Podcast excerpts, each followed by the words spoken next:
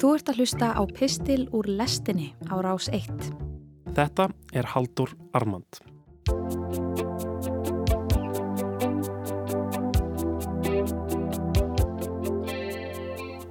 Það kemur svo tími í lífi hverjar mannesku þar sem henni er sagt að halda áfram. Þú verður bara að halda áfram, góða mín. Halda áfram, kalli minn. Heið liðina þjónar engum tilgangi lengur. Horðu til himins og berðu höfuðið hátt. Það kemur eitthvað nýtt. Það kemur eitthvað annað. Þessi frasi tengist einhverju úr fortíð okkar. Kanski fór ekki eitthvað eins og það átti að fara. Við náðum ekki prófinu. Við fengum ekki starfið. Við mistum einhvern sem var okkur kær. Og verkefni okkar er að halda áfram. Þetta getur verið svolítið villandi frasi, þótt hann sé vitaskuld settur fram af væntum þykju og góðum hug. Þegar einhver segir þér næst að halda áfram, án þess að útskýra það eitthvað nánar, þá á viðkomandi líklega við eitthvað á borð við að þú eigir að reyna að frelsa hugaðinn, að þú berir þess merki að einhverjar minningar hlekki þig við fortíðina og einangri þig þannig frá heiminum eins og hann er. Að vera sagt að halda áfram hljómar samt svolítið eins og við eigum bara að hætta að hugsa um það sem er að ángra okkur. Svona eins og þjáningin eða vann líðaninn sé þegar allt kemur til alls valkostur. Það þýr ekkert að vera pæli í þessu, haldu bara áfram. Það er bara ekki svona einfalt fyrir flesta. Ef maður gæti valið að hætta að hugsa um fortíðina, myndi maður eflaust gera það. En þótt þetta sé að mörguleiti torræður frasi að halda áfram, og dálítið erfitt stundum að átta sig á því hvað nákvæmlega er verið að tala um verð ég hins verið að viðkjöna það sömuleiðis að ég hef hitt fólk á minni æfi sem virðist búa yfir óvenjulegri færni til þess að skilja í sátt við liðna tíð, hratt og öruglega og í því tilviki virðist þessi frasi algjörlega eiga við og passa. Þetta er fólk sem á ekki neinum sérstökum vandraðum með að halda áfram lífi sínu. Ég hef til dæmis hitt fólk sem er ástfangið upp fyrir haus og síðan endar sambandið snöglega og mánuði síðar er það aftur ástfangið upp fyrir haus af einhverjum öðrum og hefur enga sérstaka þörf fyrir að tala um gamla sambandið, gera það upp og hið gamla verðist ekki þvælast neitt fyrir hinnu nýja. Lestinn bara helt áfram, strax, ekkert stopp og var undir eins komin til nýrar borgar.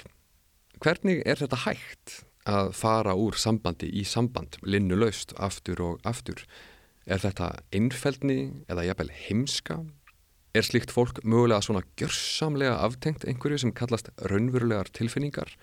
Eða framkallar tilhugsuninn um einveru svo mikla skelvingu því að óttinn riður öllu öðru úr vegi?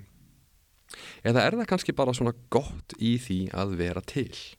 Er það bara svona hæfilegaríkt í þeirri listgrein sem kallast að halda áfram lífi sínu? Er kannski bara svona heiðskýrt í heila þess og vegakerfi hugans svona skilvirt og vel skipulagt að það er ekkert mál að díla við hið liðna. Fortíðin er einföld krosskáta. Þetta var, þetta gerðist, svo laug því og það var leiðilegt en um það er ekkert meira að segja. Ekki veit ég svarið, það eina sem ég veit er að ég öfunda slikt fólk oft. Hversu margir myndu borga fyrir aðgerð eins og aðal karakterinir í kvikmyndinni Eternal Sunshine of the Spotless Mind fara í þegar þau láta fyrirtæki nokkurt eigða minningum þeirra um hvort annað úr minni sínu. Ég hef sjálfur farið gegnum tímabil þar sem ég hefði gladur borgað fyrir að losna við ákveðnar minningar og þegar ég lít tilbaka sé ég að það eru fyrst og fremst góðar minningar sem ég hefði viljað losna við. Þar eru náttúrulega oft svo miklu verri en slæmar minningar. Kanski er þetta ein af mótsögnum þess að vera manneskja. Það er ekkit verra en góðar minningar. Minningar eru ruggl, sagði í skílabóðum sem poppuðu einu sinni upp á símanum mínum. Síðan fylgdi á eftir, þær eru ógeðslegar. Heldur betur, svaraði ég algjör hryllingur. Hverjvilbylur minningana hafði þeitt okkur báðum lengst út á rúmsjó, mér og viðmælanda mínum. Heimurinn hafði bröðist okkur báðum og held nú áfram að kvelja okkur með endurminningunni. Af hverju að halda áfram, spurðu við annan, halda áfram hvert og til hvers? Verður það hvort sem er ekki bara ferðalag í átt nýrar, eitraðrar endurminningar sem kvelur okkur eins og þessi? Er lífið kannski ekkert annað en flótti frá endurminningunni? Skilabóðin sögðu að minningar væru ógeðslegar vegna þess að þær tjóður okkur við gamla heiminn, þær fangelsa andartakið. Það er ekkert einstakt við hvert augnablík. Þeir erfileikar sem við göngum í gegnum eru endur teknir í huganum í endurminningunni. Þeim líkur ekki og stóra írónían í þessu öllu saman hlýtur að vera svo að í þessari aftur virku endurtekningu verða bestu augnablík lífsins að verstu minningunum. Minningarnar eru endurtegnar, endurtegnar, endurtegnar þar til þær brenglast og verða að einhverju öðru og nýju. En svo líður tíminn og kannski tekst okkur smámsamann að fást við þann vanda sem kvílir undir áhyggjum okkar, gremju og sorg, fáum einhver svör eða einfallega að sársökin dopnar. Og okkur tekst jafnvel að halda áfram. Smámsamann verða minningarnar léttari Allt í einu eru þær ekki svona ókveikjandi, þær hafa allt aðra áferð og þráin eftir því að eigða þeim er ekki lengur jafn aðkallandi. Þær blasa en þá við okkur, en okkur finnst ekkert sérstakt um þær. Sama minning er ólík eftir tímabilum og þar með er fortíðin ólík eftir tímabilum. Hún flýtur okkur úr greipum. Minningar okkar um hið liðna spretta alltaf úr jarðvegi líðandi stundar. Já, allt endurlit til fortíðar er í raun eins og að stara í speil. Tulkun af því sem var er alltaf ímyndun um það sem er. Ég býstu því að vilji okkar til að halda áfram sé grundvallaður á þeirri hugmynd að við séum á leiðin eitthvað þeirri heimsmynd að líf okkar sé leiðangur að óþægtum áfangastað.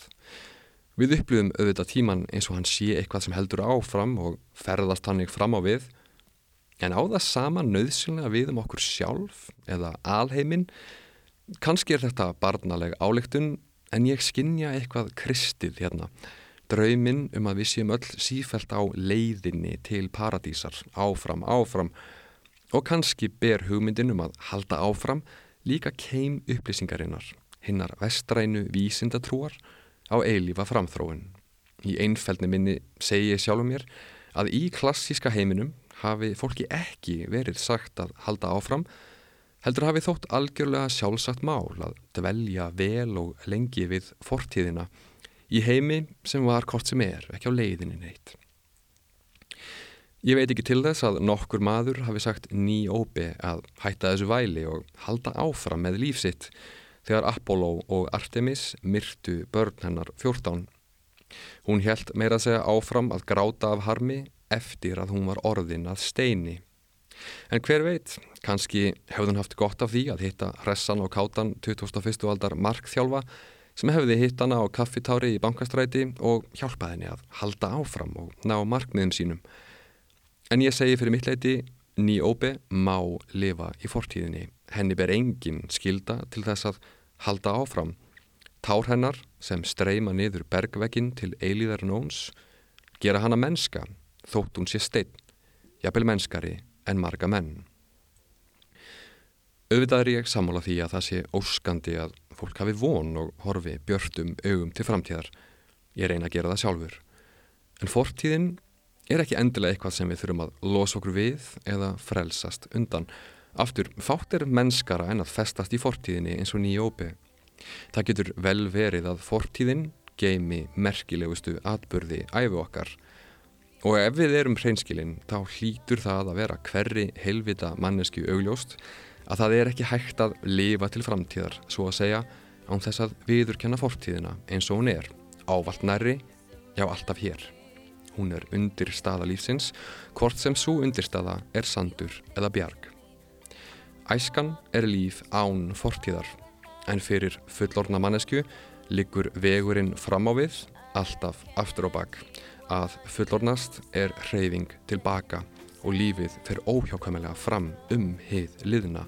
Aðeins gegnum hið gamla erum við færum að upplifa eitthvað raunverulega nýtt.